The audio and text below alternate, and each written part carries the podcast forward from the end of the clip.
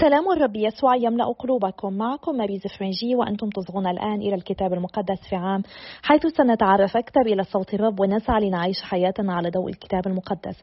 لقد وصلنا إلى اليوم المئتين والرابع والستون وسنقرأ اليوم الفصول الثاني والعشرون والثالث والعشرون والرابع والعشرون من إنجيل القديس متى ومن الفصل التاسع عشر من سفر الأمثال من الآية السابعة عشر حتى الآية العشرين. فلنبدأ بصلاتنا المعتادة. بسم الآب والابن والروح القدس إله واحد آمين. أيها الرب القدوس الذي لا يموت قدس أفكارنا ونقي ضمائرنا فنسبحك تسبيحا نقيا ونصغي إلى كتبك المقدسة لك المجد إلى الأبد آمين. إنجيل القديس متى؟ الفصل الثاني والعشرون. مثل وليمة الملك. وكلمهم يسوع بالأمثال مرة أخرى قال مثل ملكوت السماوات كمثل ملك أقام وليمة في عرس ابنه فأرسل خدمه ليخبروا المدعوين إلى العرس فأبوا أن يأتوا. فأرسل خدما آخرين وأوعز إليهم أن قولوا للمدعوين ها قد أعددت وليمتي فذبح الثيران والسمان من ماشيتي وأعد كل شيء فتعالوا إلى العرس ولكنهم لم يبالوا فمنهم من ذهب إلى حقله ومنهم من ذهب إلى تجارته وأمسك الآخرون خدمه فشتموهم وقتلوهم. فغضب الملك وأرسل جنوده فأهلك هؤلاء القتله وأحرق مدينتهم. ثم قال لخدمه الوليمة معدة ولكن المدعوين غير مستحقين. فاذهبوا إلى مفارق الطرق وادعوا إلى العرس كل من تجدونه. فخرج أولئك الخدم إلى الطرق. فجمعوا كل من وجدوا من أشرار وأخيار فامتلأت ردهة العرس بالجالسين للطعام ودخل الملك لينظر الجالسين للطعام فرأى هناك رجلا لم يكن لابسا لباس العرس فقال له يا صديقي كيف دخلت إلى هنا؟ وليس عليك لباس العرس. فلم يجب بشيء.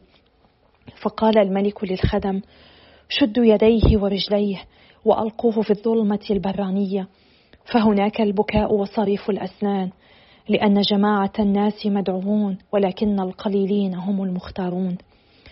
أداء الجزية لقيصر. فذهب الفريسيون وعقدوا مجلس شورى ليصطادوه بكلمة ثم أرسلوا إليه تلاميذهم والهيروديسيين يقولون له يا معلم نحن نعلم أنك صادق تعلم سبيل الله بالحق ولا تبالي بأحد لأنك لا تراعي مقام الناس. فقل لنا ما رأيك. أيحل دفع الجزية إلى قيصر أم لا؟ فشعر يسوع بخبثهم فقال لماذا تحاولون إحراجي أيها المراؤون؟ أروني نقد الجزية. فأتوه بدينار فقال لهم لمن الصورة هذه والكتابة قالوا لقيصر. فقال لهم أدوا إذا لقيصر ما لقيصر ولله ما لله. فلما سمعوا هذا الكلام تعجبوا وتركوه وانصرفوا. قيامة الأموات. في ذلك اليوم دنا إليه بعض الصدقيين وهم الذين يقولون بأنه لا قيامة وسألوه يا معلم قال موسى إن مات أحد ليس له ولد فليتزوج أخوه امرأته ويقم نسلا لأخيه. وكان عندنا سبعة إخوة فتزوج الأول وتوفي ولم يكن له نسل فترك امرأته لأخيه. ومثله الثاني والثالث حتى السابع. ثم ماتت المرأة من بعدهم جميعا. ففي القيامة لأي من السبعة تكون امرأة. فقد كانت لهم جميعا. فأجابهم يسوع أنتم في ضلال لأنكم لا تعرفون الكتب ولا قدرة الله. ففي القيامة لا الرجال يتزوجون ولا النساء يزوجن بل يكونون مثل الملائكة في السماء. وأما قيامة الأموات أفما قرأتم ما قال الله لكم؟ أنا إله إبراهيم وإله إسحاق وإله يعقوب وما كان إله أموات بل إله أحياء. وسمعت الجموع كلامه فأعجبت بتعليمه. أكبر الوصايا. وبلغ الفريسيين أنه أفحم الصدوقيين فاجتمعوا معا فسأله واحد منهم ليحرجه. يا معلم ما هي الوصية الكبرى في الشريعة؟ فقال له احبب الرب إلهك بكل قلبك وكل نفسك وكل رهنك تلك هي الوصية الكبرى والأولى والثانية مثلها. أحبب قريبك حبك لنفسك. بهاتين الوصيتين ترتبط الشريعة كلها والأنبياء. المسيح ابن داود وربه. وبينما الفريسيون مجتمعون سألهم يسوع ما رأيكم في المسيح؟ ابن من هو؟ قالوا له ابن داود. قال لهم فكيف يدعوه داود ربا بوحي من الروح فيقول قال الرب لربي اجلس عن يميني حتى أجعل أعداءك تحت قدميك. فإذا كان داود يدعوه ربا فكيف يكون ابنه؟ فلم يستطع أحد أن يجيبه بكلمة ولا جرؤ أحد منذ ذلك اليوم أن يسأله عن شيء. الفصل الثالث والعشرون. رياء الكتبة والفريسيين. وكلم يسوع الجموع وتلاميذه قال إن الكتبة والفريسيين على كرسي موسى جالسون فافعلوا ما يقولون لكم واحفظوه ولكن أفعالهم لا تفعلوا لأنهم يقولون ولا يفعلون. يحزمون أحمالا ثقيلة ويلقونها على أكتاف الناس ولكنهم يأبون تحريكها بطرف الإصبع وجميع أعمالهم يعملونها لينظر الناس إليهم. يعرضون عصائبهم ويطولون أهدابهم ويحبون المقعد الأول في المآدب وصدور المجالس في المجامع وتلقي التحيات في الساحات وأن يدعوهم الناس رابي. أما أنتم فلا تدعوا أحدا يدعوكم رابي لأن لكم معلما واحدا وأنتم جميعا إخوة. ولا تدعوا أحدا أبا لكم في الأرض لأن لكم أبا واحدا هو الآب السماوي. ولا تدعوا أحدا يدعوكم مرشدا لأن لكم مرشدا واحدا وهو المسيح. وليكن أكبركم خادما لكم فمن رفع نفسه وضع ومن وضع نفسه رفع. يسوع يعنف الكتبة والفريسيين. الويل لكم أيها الكتبة والفريسيون المراؤون فإنكم تقفلون ملكوت السماوات في وجوه الناس فلا أنتم تدخلون ولا الذين يريدون الدخول تدعونهم يدخلون. الويل لكم أيها الكتبة والفريسيون المراؤون فإنكم تجبون البحر والبر لتكسبوا دخيلا واحدا.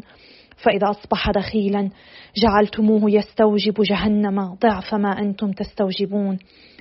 الويل لكم أيها القادة العميان فإنكم تقولون من حلف بالمقدس فليس هذا بشيء ومن حلف بذهب المقدس فهو ملزم. أيها الجهال العميان أيما أعظم؟ الذهب أم المقدس الذي قدس الذهب؟ وتقولون من حلف بالمذبح فليس هذا بشيء ومن حلف بالقربان الذي على المذبح فهو ملزم. أيها العميان أيما أعظم القربان أم المذبح الذي يقدس القربان؟ فمن حلف بالمذبح حلف به وبكل ما عليه ومن حلف بالمقدس حلف به وبالساكن فيه ومن حلف بالسماء حلف بعرش الله وبالجالس عليه. الويل لكم أيها الكتبة والفريسيون المراؤون فإنكم تؤدون عشر النعنع والشمرة والكمون بعدما أهملتم أهم ما في الشريعة العدل والرحمة والأمانة. فهذا ما كان يجب أن تعملوا به من دون أن تهملوا ذاك. أيها القادة العميان يا أيها الذين يصفون الماء من البعوضة ويبتلعون الجمل. الويل لكم أيها الكتبة والفريسيون المراؤون فإنكم تطهرون ظاهر الكأس والصحن وداخلهما ممتلئ من حصيلة النهب والطمع. أيها الفريسي الأعمى طهر أولا داخل الكأس ليصير الظاهر أيضا طاهرا. الويل لكم أيها الكتبة والفريسيون المراؤون فإنكم أشبه بالقبور المكلسة. يبدو ظاهرها جميلا وأما داخلها فممتلئ من عظام الموتى وكل نجاسة. وكذلك أنتم تبدون في ظاهركم للناس أبرارا وأما باطنكم فممتلئ رياء وإثما. الويل لكم أيها الكتبة والفريسيون المراؤون فإنكم تبنون قبور الأنبياء وتزينون ضرائح الصديقين وتقولون لو عشنا في أيام أبائنا لما شاركناهم في دم الأنبياء. فأنتم تشهدون على أنفسكم بأنكم أبناء قتلة الأنبياء فاملأوا أنتم مكيال آبائكم. الجريمة وعقابها. أيها الحيات أولاد الأفاعي كيف لكم أن تهربوا من عقاب جهنم؟ من أجل ذلك ها أنا ذا أرسل إليكم أنبياء وحكماء وكتبة. فبعضهم تقتلون وتصلبون وبعضهم في مجامعكم تجلدون ومن مدينة إلى مدينة تطاردون حتى يقع عليكم كل دم زكي سفك في الأرض من دم هابيل الصديق إلى دم زكريا بن بركيا الذي قتلتموه بين المقدس والمذبح. الحق أقول لكم إن هذا كله سيقع على هذا الجيل. يسوع ينذر أورشليم. أورشليم أورشليم يا قاتلة الأنبياء وراجمة المرسلين إليها.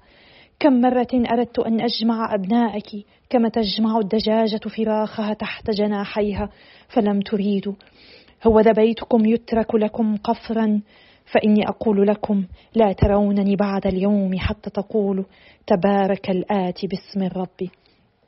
الفصل الرابع والعشرون. يسوع ينبئ بخراب الهيكل. وخرج يسوع من الهيكل فدنا إليه تلاميذه وهو سائر يستوقفون نظره على أبنية الهيكل فأجابهم أترون هذا كله؟ الحق أقول لكم لن يترك هنا حجر على حجر من غير أن ينقض. وبينما هو جالس في جبل الزيتون دنا منه تلاميذه فانفردوا به وسألوه قل لنا متى تكون هذه الأمور؟ وما علامة مجيئك ونهاية العالم؟ أهوال واضطهادات فأجابهم يسوع إياكم أن يضلكم أحد فسوف يأتي كثير من الناس منتحلين اسمي يقولون أنا هو المسيح ويضلون أناسا كثيرين وستسمعون بالحروب وبإشاعات عن الحروب. فإياكم أن تفزعوا فلا بد من حدوثها ولكن لا تكون النهاية عندئذ. فستقوم أمة على أمة ومملكة على مملكة وتحدث مجاعات وزلازل في أماكن كثيرة وهذا كله بدء المخاض. وستسلمون عندئذ إلى الضيق وتقتلون ويبغضكم جميع الوثنيين من أجل اسمي.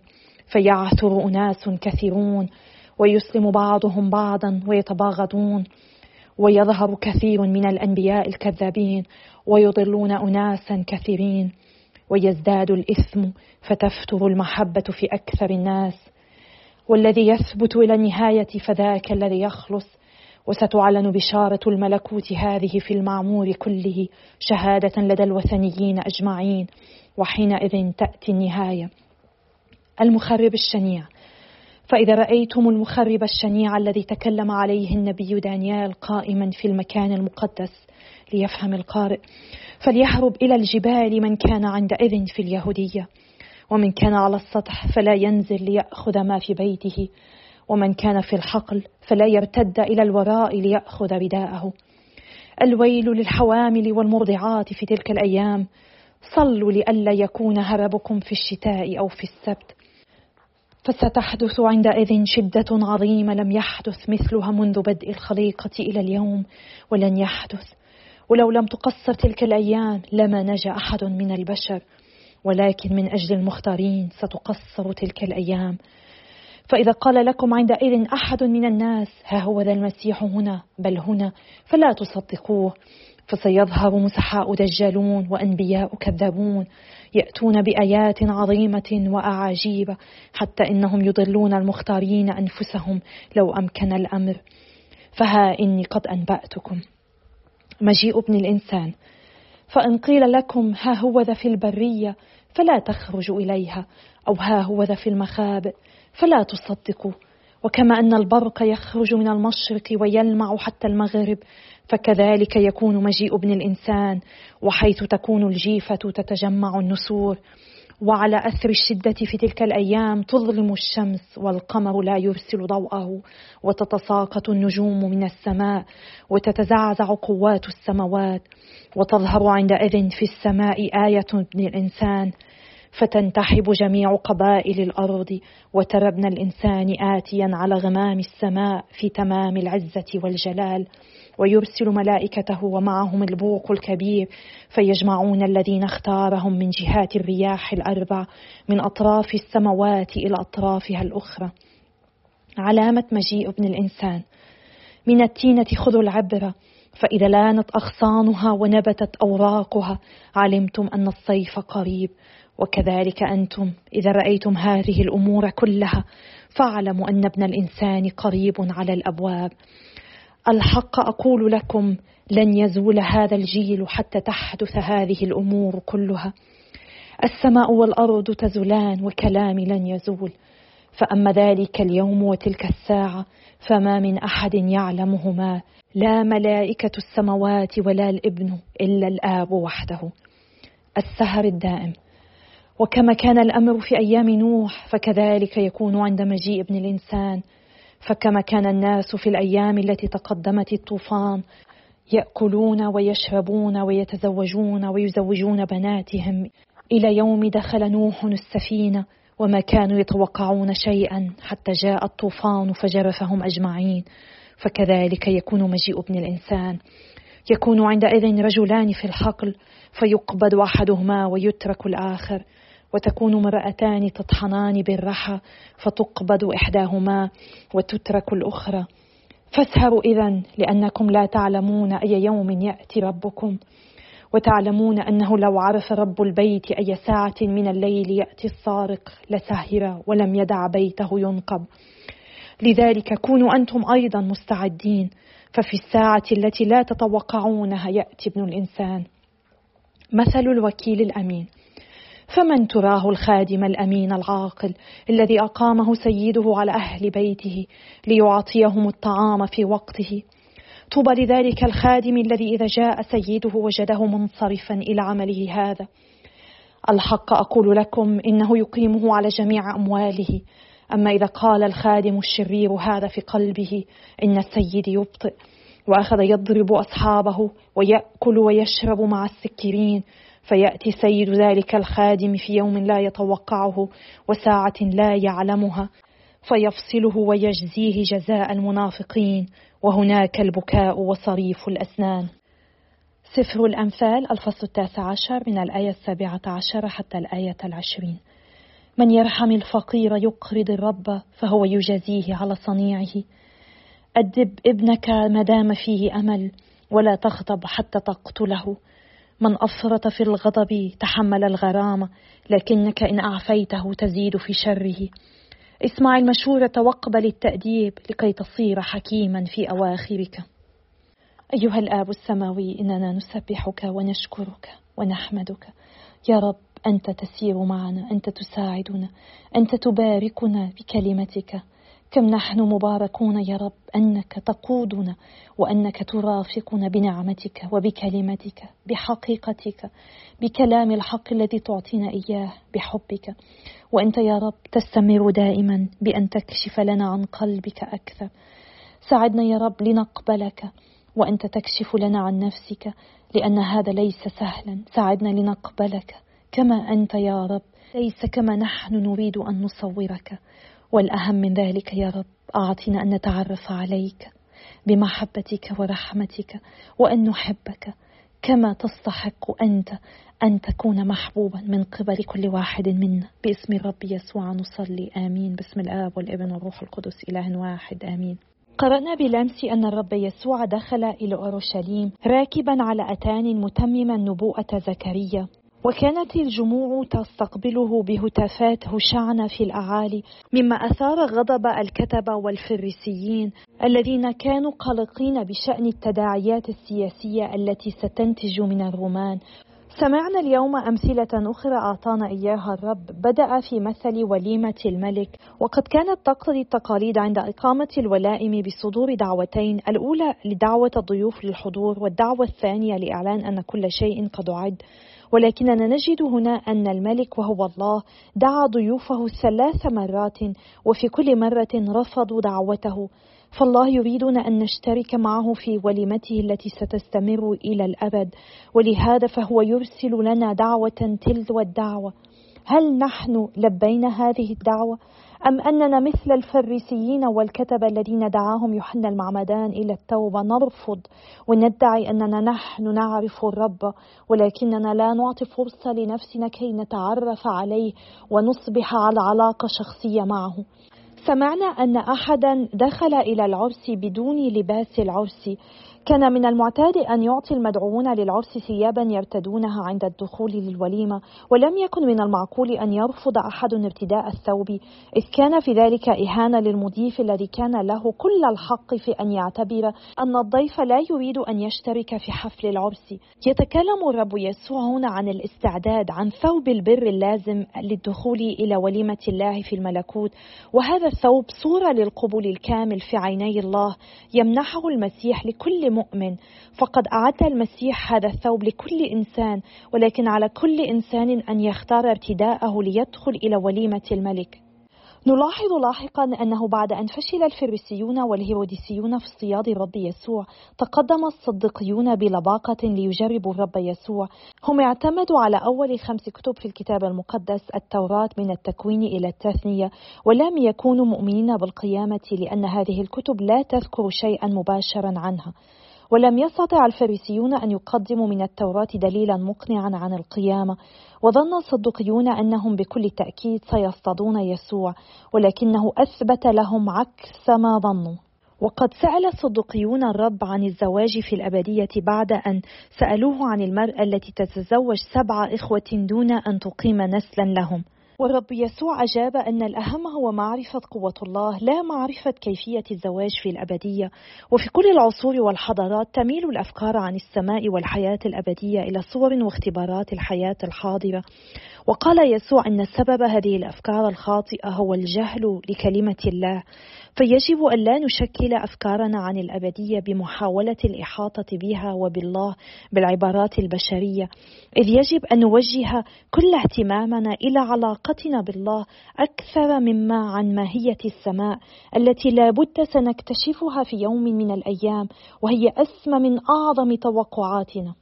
ونلاحظ أن الرب يسوع قد استخدم آية من سفر الخروج أحد الكتب التي يؤمن بها الصدوقيون كي يعلمهم عن شيء هم يرفضونه.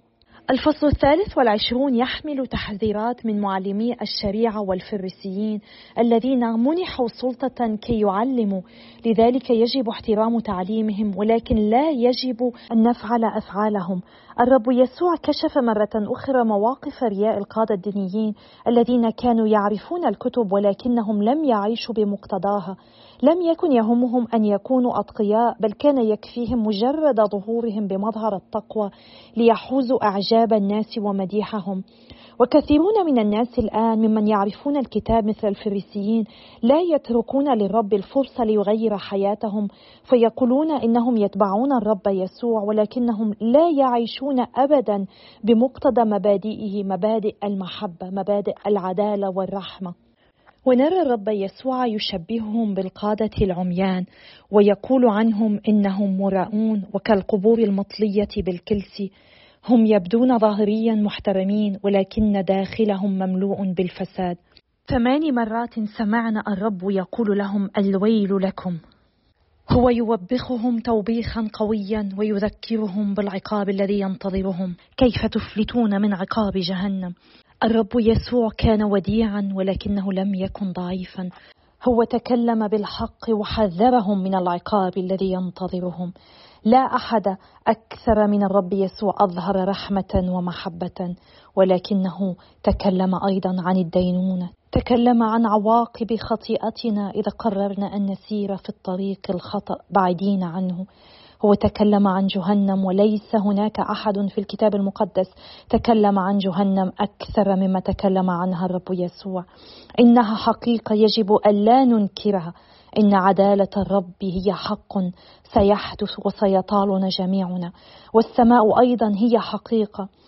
السماء هي وعد الله لنا. اذا ثبتنا وعشنا معه سيكون لنا نصيبا معه في السماء. وجهنم أيضا. هي واقع ممكن لكل واحد منا إذا فشلنا في عيش مسيحيتنا إذا فشلنا بقبول نعمة الرب والسير معه. لذلك علينا أن نطلب معونة الرب. مثل القديس بولس علينا أن نتذكر هذه الكلمات دائما. علي أن أقمع جسدي وأعامله بشدة مخافة أن أكون مرفوضا بعدما بشرت الآخرين. في نهاية رسالته الأولى إلى كورنثوس الفصل التاسع نعم نحن بحاجة إلى النعمه كل يوم نحن بحاجة إلى النعمة بغض النظر عما نحن وعما نفعله. لأن الرب يحبنا والرب يحارب عنا. وهو يريدنا أن نكون معه. وعلينا أن نشكره لأنه يحارب من أجلنا ونطلب منه أن يعطينا القوة والنعمة. وأن نكون له أن ننتمي له بكل قلبنا وعقلنا وروحنا وقوتنا. علينا أن نسعى دائما لأن ننظر إلى أنفسنا. الرب حذرنا ألا نحكم على غيرنا ولكنه طلب منا أن نتنبه لأعمالهم لأننا نعرفها من ثمارها. فلنقضي بعض الوقت. علينا أن نفحص حياتنا أن ننظر إلى نفسنا إلى قلوبنا لنرى إذا كانت في المكان الصحيح ولنرى أي نوع من الثمار نحن نثمر في حياتنا. هل أعمالنا جيدة أو شريرة؟ هل نحن نشهد للرب ونجعل نوره يشع من خلالنا من خلال ما نقوله ونفعله؟ أم أننا نعكس صورة تماما كما عكس الفريسيون والكهنة في أيام الرب يسوع صورة خاطئة صورة تشوه الآب المحب الرحيم الذي يدعونا باستمرار إليه فلنستمر بالصلاة من أجل بعضنا البعض لأننا لا نستطيع أن نتمم هذه المسيرة في الكتاب المقدس وحتى الأبدية مع الرب يسوع. إذا لم نقبل ونعش في نعمته أتشكركم على صلواتكم وإلى اللقاء غدا يوم آخر إن شاء الله.